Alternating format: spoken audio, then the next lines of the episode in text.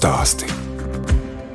No rīta pamožos, piesēžos pie šūnu mašīnas un šūju. Un man vīrs man prasa, vai tev patīk šūt, vai tev tik tiešām daudz darba ir. Kad no rīta sešos ir jāšauj, es teicu, man patīk šūt. Vīram traucēja. Nu jā, tāpēc es domāju, ka viņš arī pēc iespējas ātrāk gribēja man dabūt augšā. Bērniņos. Bēniņos, lai var ilgāk pagulēt. Tā stāsta šuvēja Solvita Lomaža no Dobeles novada Auces. Es, Daina Zalamane, šoreiz ciemojos kādas privātmājas bērniņos Aucē, kur šūšanas darbnīca tika izveidota pērnā gada rudenī. Es uznāku augšā, man neviens netraucē. Lejā viens paprasa kaut ko, otrs paprasa. O, Bērni arī šeit dzīvo ar jums kopā. Pašlaik meita man dzīvo. Viņai te taisa dzīvoklim remontu, un līdz ar to mazbērns ar um, meitu dzīvo. Un tad mēs visi vienā čupiņā. Man jau arī labi ir. Viņa man pagatavo pusdienas, vakariņas, tad es varu sev veltīt vairāk laika. Un tad vīrs, kad atbrauc mājās, citreiz viņš man prasa, tev šodien nakts mājiņa ir, ka tu tik vēl nāc mājās. Bet man šeit ir sava paradīze, un es tiešām varu teikt, ka man patīk. Stiprie stāsti. No sapņa uz mērķi. Solvita Lomaža stāsta, ka šūšana ir daudzu viņas dzimtas sieviešu iecienīta nodarbošanās. Es tikai to uzzināju, kad vecmāmiņa bija nomirusi. Man krusmāte teica, viņa bija izbraukusi uz Krieviju. Un viņa strādāja pie slavena modelētāja, es pat nezinu, kā viņu sauc. Gribētos uzzināt, bet vecmāmiņas vairs nav, kam pajautāt. Un mana māma arī bija šuvē. Viņai bija A4 tādas burtnīcas, un tur viņa bija sazīmējusi piegrieznes un aprakstus. Jo manā māma arī pati man šuva uz skolu drēbes, un man māsītes dzīvoja pie mums. Vasarā brauca ciemoties, un tad mēs abas tur sapucējāmies kaut kādās lielās kleitās un gājām staigāties. Un tas bija tāds mans bērnības diezgan tāds spilgts atmiņas. Man arī krusmāte šuvēja, viņa šo savai meitai pat standarta dejām tās kleitas ar tiem pušķiem. Mana māsīca izmācījusies par šuvēju, māsa man izmācījusies par šuvēju, viņa arī šuja. Un izrādās Guntim vecais tēvs arī bijis ar šuvējs. No viņa laikiem ir šuja mašīna, kur mazliet jāatjauno, un to es gribu nolikt šeit augšā. Tā kā, nu, tā kā muzejisku vērtību. Jā, jo arī man ir uh, grāmatas no viņa vecā tēva par šūšanu. Kaut kad, kad man būs laiks, viņiem pieķeršos, palasīšu kaut kāds 36. gads. Kad jūs pati pirmo reizi kaut ko uzšujāt? Tām lēlēm, lai viņas varētu apģērbt, tajā laikā jau tur nebija bērnība un nekas tāds. Mēs ar māsītes arī pašas tur ņēmāmies. Šī mašīna neviens mums nedēva ar adatumu. Bērni kaut ko nesalauž. Jā. Tāda krekliņa, tā kā bez rociņām, un tāda, ko var viegli uzvilkt, un kas bija elementāri izgriezt. Bet tagad mans mazbērns viņam patīk, un tad es viņam iedodu taisnās vīles, Bet jums ir mazs dēls. Jā. Un puikam patīk? Jā, jā, un viņš jau nāk, viņš prasa, es jau negribu viņam dot, jo man bail arī kaut ko nesalauž. Bet es domāju, nu, lai jau izpaužas taisnās vielas, lai jau paši, bet viņam patīk. Jā. Cik tad ir vecs? Astoņi gadi. Solvita Lomaža ir kurzemniece no Rojas. Stiprie stāsti. Laiks mācīties, prieks saprast. Mācījos līdz 8. klasei. Rojas vidusskolā, un tad es aizgāju uz skrundu mācīties, un tur sapazinos ar Gunti, un tad mans ceļš atnāca uz auci. Nu, ja jums bija tik daudz dzimtā tie šuvēji, kāpēc tad jūs izvēlēties pavāru, ja tas bija tiem laikiem diezgan populāra profesija? Vienkārši bija tā, ka es gribēju tālāk no mājām, jo pusauģu gados, kad tik tālāk no vecākiem.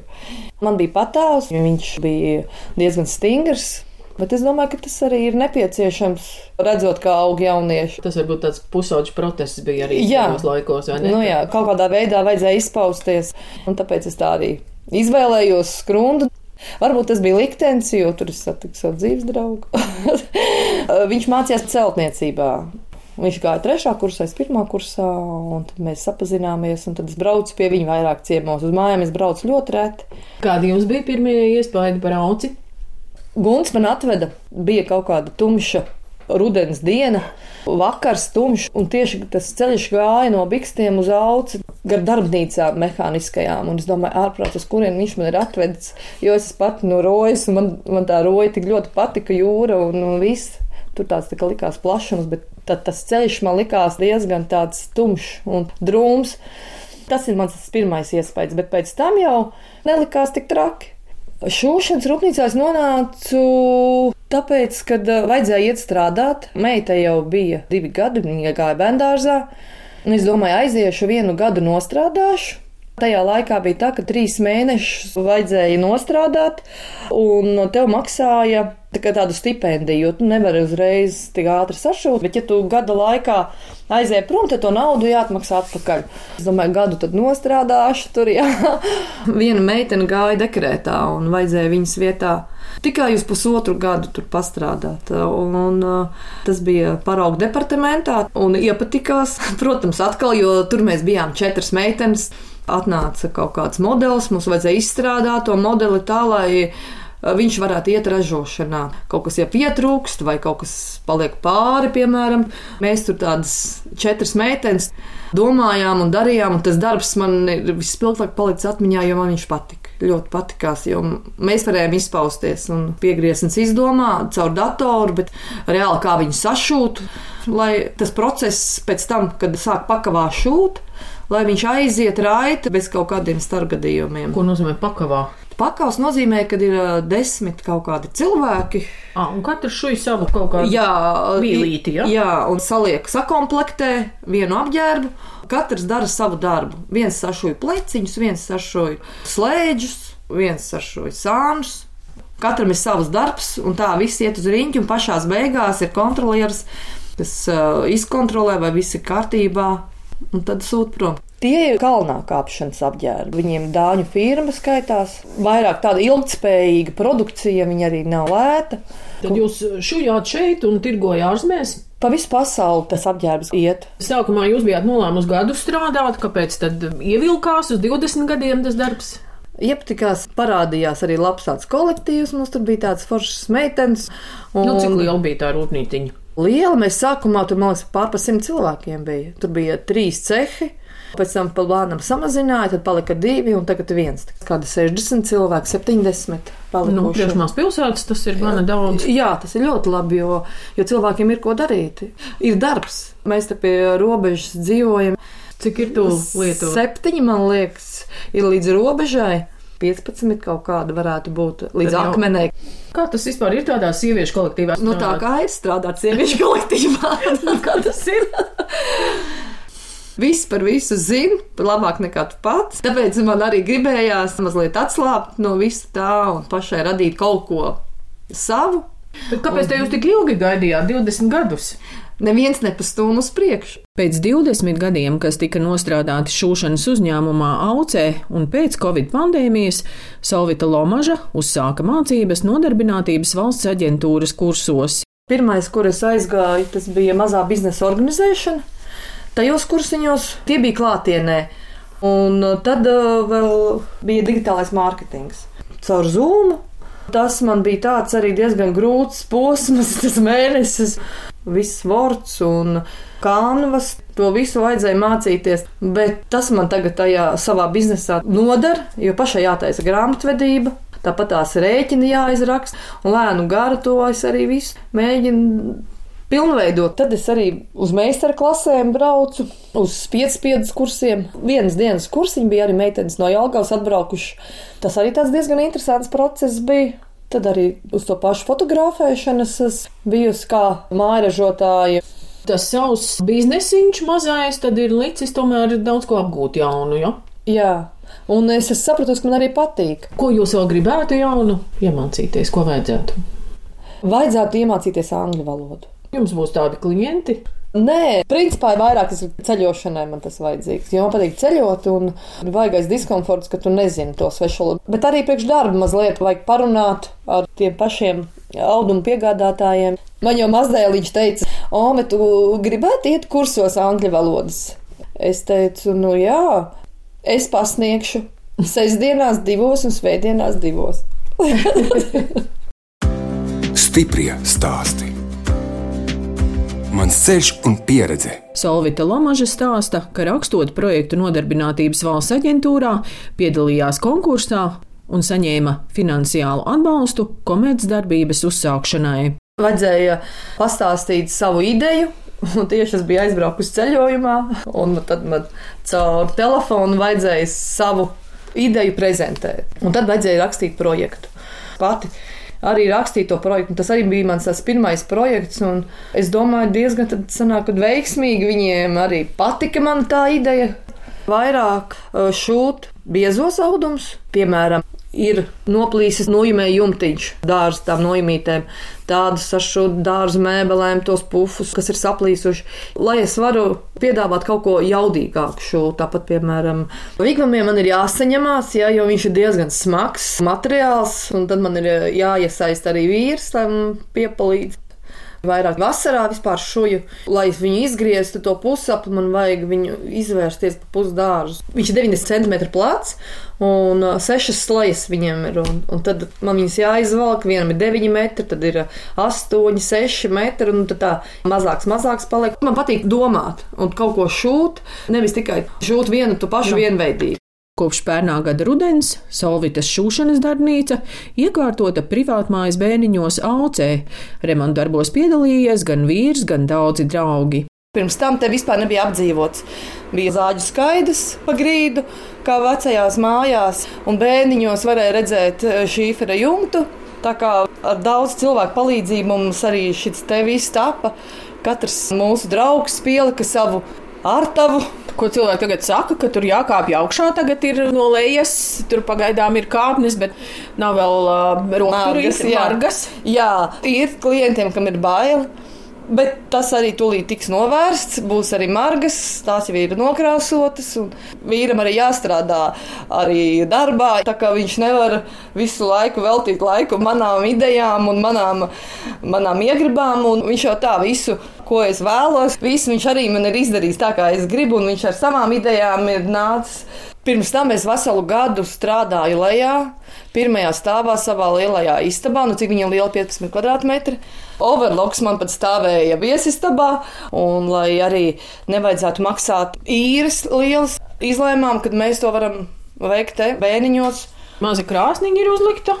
Jā, un siltums man ir tiešām pietiekoši no tās mazās krāsniņas. Divās stundās man te jau ir ļoti silts un izsiltināts. Ir, kā, pat augstajā ziemā, kad bija 23 grādi, man bija omulīgi silts. Projektā, cik tur naudas varēja dabūt? Startā bija 5000. Un tad maksāja 750 eiro pusi gadu. Tas bija mēnesī, tie 750. Mēnesī, jā. Bet es to naudu netērēju savām vajadzībām, es to visu naudu ieguldīju savā biznesā. Gludamo dēlu nopirku un plauktus, galdus un ļoti daudz sapirku arī audumus. Tāpat lamināts tika nopirkts par to naudu krēslu. Tā kā liela daļa ir ieguldījums tas, ko piešķīra NVA un, protams, arī pašu līdzekļi. Solvitas darbnīcā šobrīd ir četras šūnu mašīnas.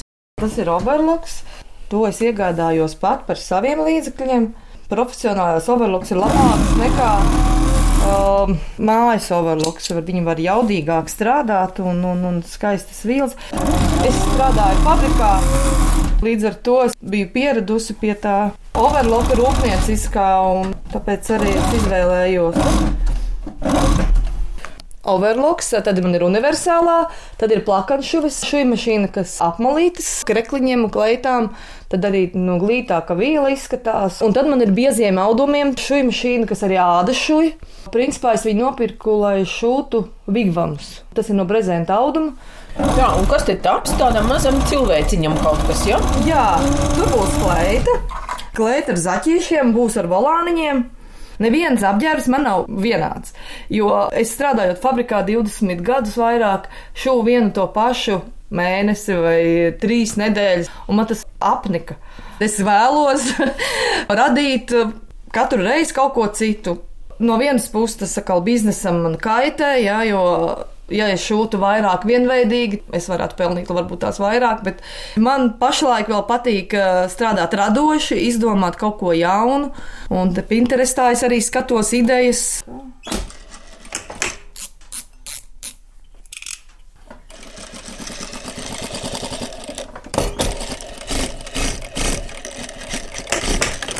Kas tas par materiālu tāds mīksts? Siltinātā trikotāža. Iekšā viņam ir pūciņa, tāds mm -hmm. tā kā silts. Bet tieši tādiem maziem bērniņiem. Maziem, te ir mazliet lielākiem, principā līdz 1,34 m. Pēc tam jau tie bērni jau grib modes kaut kādus dizaineru tādus izstrādājumus. Firmas viņiem vajag. Tagad tirdziņā, piemēram, arī tēvs atnāk, viņš nopērk uzreiz divas klaitas meitenei. Viņai patiks droši vien, un pēt un skatās, vai derēs. Bērniem vairāk pērk. Meitenes vairāk jāpucē, vai ne? Tieši tā, meitenes vairāk jāpucē ir. Un... Es vēl neesmu sākus pat pieaugušiem šūt. Es vairāk uz pasūtījumu. Arī uz svētkiem kleitas. Bērniem arī Tāpat tās svētkiem bija apģērbi. Pāršūt kaut ko no mazāk, lielāku. Kādu rāvēju slēdzi pāršūt vai? Nu jā, puflaikām un tāpat tās svārkiem. Un tad arī, piemēram, pirtiņā tur vajadzēja vienai krēslam apšūt riņķi apkārto no ādas. Vajadzēja uzšūt uh, nojumītēju jumtiņu. Tāpat arī kemperim uh, ir uh, mīkstie pufi, nestandarti tādi pusapļi. Protams, veikalā tu vari visu ko nopirkt, bet ir lietas, ko nevar nopirkt un es eju uz to netradicionāli kaut ko šūt. Jūs varat uzšūt visu? Nu, no kažo kādām es nešoju. Kaut gan es uzšuvu somu no trušādiņas. Nu, tur ir diezgan ķēpīgi. Tad tas viss tur tā spāva arī jānoliek tā, lai viņi guļās pareizi. Tu nevari šūt vienkārši kā trikotāžu žaudumu. Bet, eh, principā, es, jā, es šuju visu. Nu, varbūt mēteļus, žaketes ar visām moderēm, uzvalkus, tādus nē, bet es arī šuju somas un pirksdevielīšus. Un eh, tad cilvēki brīnās, domā, ka no Polijas vai iekšā vai no Lietuvas. Kas ir tas grūtākais šuvēja darbā? Man, principā, nav nekas grūts. Šķība vīla gadās, kas jāārdara. Ah, nu jā. Tas man liekas, ka darba process skaitas, un tad uh, man tas neliekas sarežģīts. Kādreiz varbūt ir dusmas, kad es sašuvu uz kaut ko ne tādu. Šis ir tāds mazliet starta tāds uzrāviens, lai varētu kaut ko arī nopelnīt, un cilvēki redz, ka kaut ko kāds dara, un pēc tam ar laiku es arī vēlētos, lai man būtu vēl kāds strādnieks, vismaz vēl viens vienam pašam visu darīt, tas ir ļoti grūti. Tev sev jāreklamē, jāfotografē un, un jāmeklē audumi. Tas viss aizņem ļoti lielu laiku. Tā kā citi domā, o, tu forši mājās strādā un šuj, kas tev nekaiš. Bet to, ka es no 7 līdz 7 strādāju, nevis no 8 līdz 5. Tas darba laiks man ir tāds nenormēts, kad es strādāju, tad, kad klientam vajag, un tad, kad arī man vajag. Sanāk strādāt vairāk. Vairāk arī nopelnīt? Nē, vairāk es nenopelnu. Bet vairāk prieka? Jā. Šis ir kad manai dvēselē tāda mierīga esmu palikusi. Tā kādreiz es tādu biju uzvilkusies, tāda nāca no darba mājās. Es atceros, ka man bija vienreiz milzīgs pārsteigums, ka es skatījos, ka šuvēju šuja, un viņam blakus bija telefons, kurā viņa skatījās filmu. Nē, to es nevaru. Es vispār cenšos strādāt klusumā, un tad es varu domāt. Es esmu redzējis, jā, citi skatās seriālus, filmas un tā, bet es pārsvarā strādāju klusumā. Bet uh, nu jau lēnu, lēnu gāju. gan jums skanēja, jā, tad, jā, tad es izgriežu, tad man uh, mūzika ir ok. Bet tad, kad man ir jādomā vai jāšuj, tad brīžiem man viņa traucē cenšos pat arī kādreiz neatbildēt. Mums ir māsa čats uz kādu īziņu neatbildēt, jo es esmu savā darbā iekšā. Tad Vispār man patīk vienai strādāt, bet uh, arī nesmādāt, ja būtu, kā jau teicu, vēl viens cilvēks, kas piepalīdzētu visu. Es varētu labprāt tikai šūt vienam, kas man darbotos ar datoru, kas pasūtītu preci, pasūtītu audumus. Un, uh, Bet jums, prātam, to visu varētu pasūtīt? Nu, arī to es nezinu.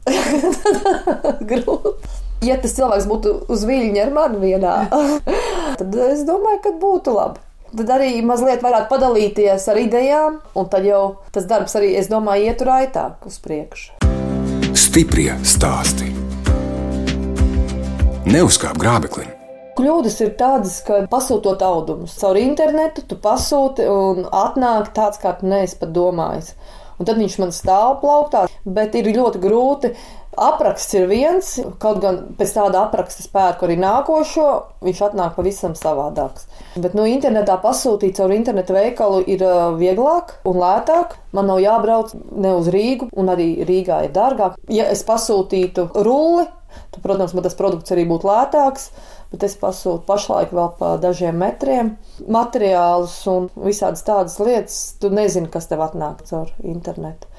Es no Nīderlandes sūtu audumus, bet tur es uzstāju uz tādu lielu pasūtījumu, tad man kurjeru atved. Tos grāmatus, var teikt, var labot, jo tas audums stāv, ir man audums stāvējis gadu, un pēc tam viņam atrodas pielietojums, un es esmu izdomājusi, ko no viņa uzšaukt. Principā man viss sagādā prieku. Es vienkārši baudu to procesu. Viņš man kā hobijs skaitas, un arī mans darbs. Tagad zinu, ka citi saka, mans darbs ir mans hobijs. Un tagad es arī to par sevi varu teikt, ka man, man patīk, ko es daru. Stiprie stāsti par spēku un iedvesmu. Ciemojos pie šuvējas Solvitas Lomažas aucē, kas pērn privātmājas bēniņos atvēra šūšanas darbnīcu. Mums pievienojas arī Solvitas vīrs Guntis Strasdiņš, kas ir sporta organizators aucē. Kāds pasākums jūs organizējat? Sporta, pārgājieni, basketbolu, florboli, galda spēles, visādākas. Ko vien tauta, kā saka, atbalsta, to arī mēs organizējam. Kā tā. Cilvēkiem gribas sportot. Ir grupas, kas jau visu laiku nodarbojās ar to, lai arī Covid bija, bet viņas kaut kā savācās apakaļ. Ir grupas, kas pavisam pievienojās pie tautas sporta, pie pārgājieniem. Ik pa laikam var manīt, ka pievienojās. Un kas tie par pārgājieniem? Dažne dažādā, kas mums audzes pusē ir, kur kaut kāds iespējams ir interesants vietas, tur es arī rādu kādu maršrutu.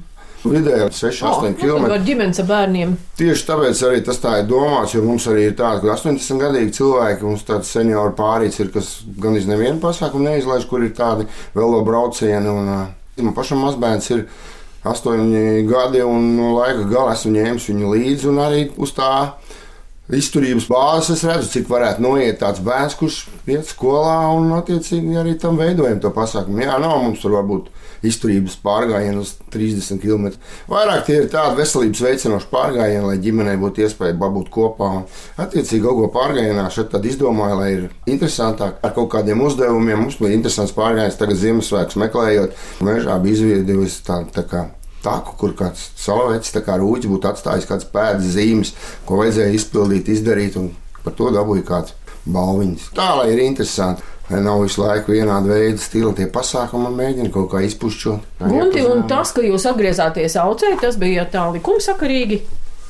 Es kaut kā esmu laikam tas saucams patriots, un pilsēta skaisti pat pa sevi viņu sakot, un skaisti pilsēta, lai arī mazpilsēta, bet godu vārds es varētu lepoties, ka mums ir skaista sakot pilsēta. Es esmu vispār tikai aucēji dzīvojis, es tā baigi neesmu nekur citur dzīvojis. Un tajā laikā vēl tēva mājas, māte šīs mājās dzīvoja. Un, tā kā bija tā sava vieta, man tēvs strādāja vecaucē. Vecā māma dzīvoja vecaucē, un, un es vairāk to redzēju, kad es varu atgriezties tajā saimniecībā, strādāt. Es tajā laikā, kad aizgāju mācīties par celtniecību, man bija nosūtījums no saimniecības vecaucas.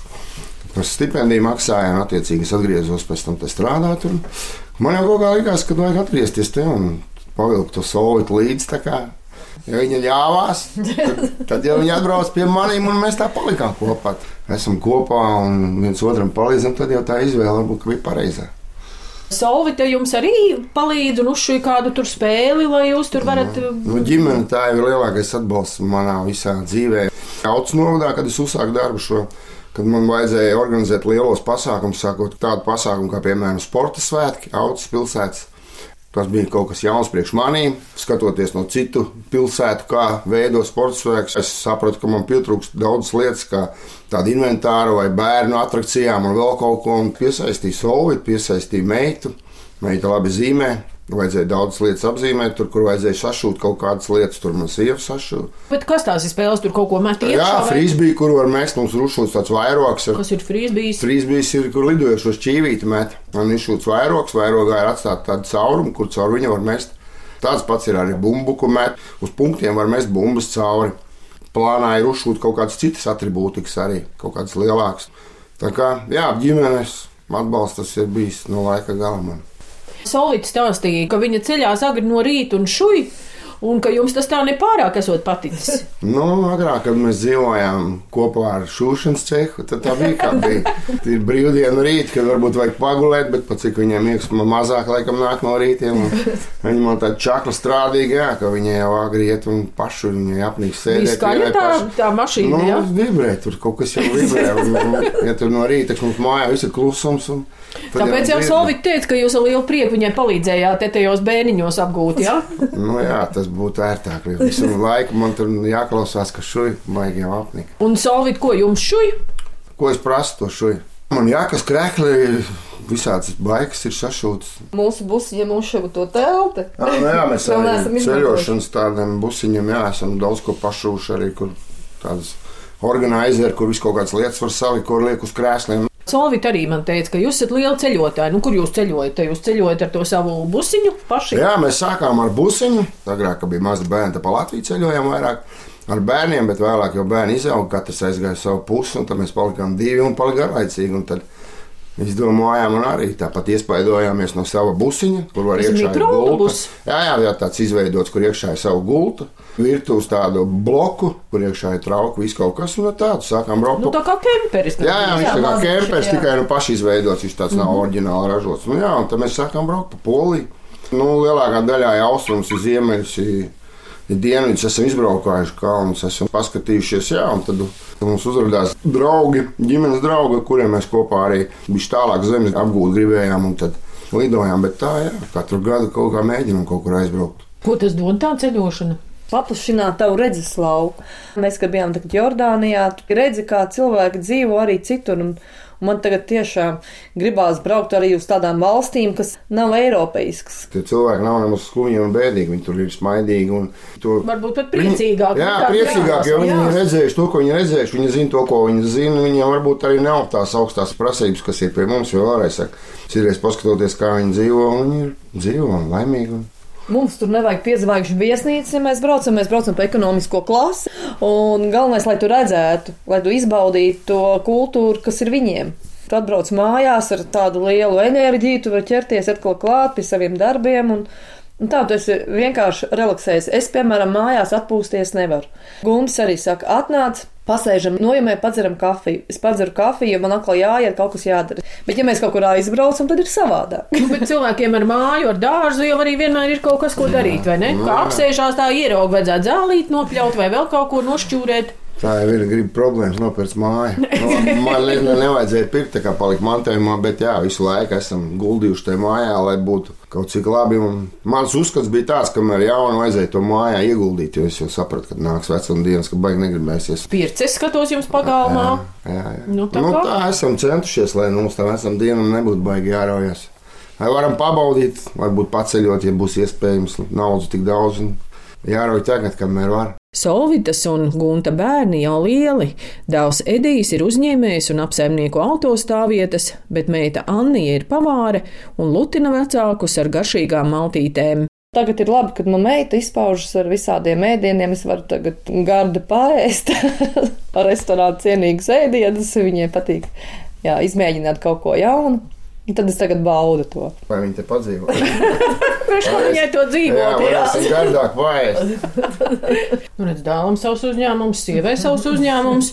Nu, un vēl mūsu kopīgais tās uh, sporta spēles organizējam. Nu jā, laika gaitā ir nākuši piedāvājumi arī kādam uzņēmumam vai kādai iestādē novadīt sporta spēles pašam, pat cik es to jau pieci gadi daru, tad savu pieredzi ir un jā. Un Pēdējos gados jau vairāk vai mazāk esam pāris uzņēmumiem novadījuši sporta spēles. Mans sapnis ir tagad ceļot, pelnīt naudu un paceļot. Tad tas tāds mans sapnis ir. Jā. Īsti vairs neko jau man nevajag. Māja man ir, vīrs man ir.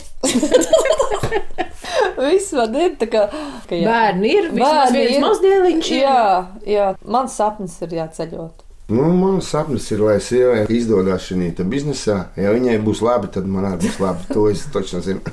Tā kā mans sapnis, lai šis attīstās. Tā ideja par viņas salonu. Tikai es esmu par to, lai tā lieta attīstās. Un cik es varu palīdzēt viņai, cik viņa varēs palīdzēt man, es domāju, tas arī ir tas sapnis, lai mēs kopā sastrādājamies. Un tad jau mēs Tieši tā. vispār mēs izpildīsim paši. Tikāmies ar šuvēju Solvitu Lomažu, kas bērnu audzēja privātmājas bērniņos, ar vīra gunta palīdzību izveidoja savu šūšanas salonu. Raidījumu veidoja Dāna Zalamane un skaņu operātore Inga Bēdele. Uz tikšanos!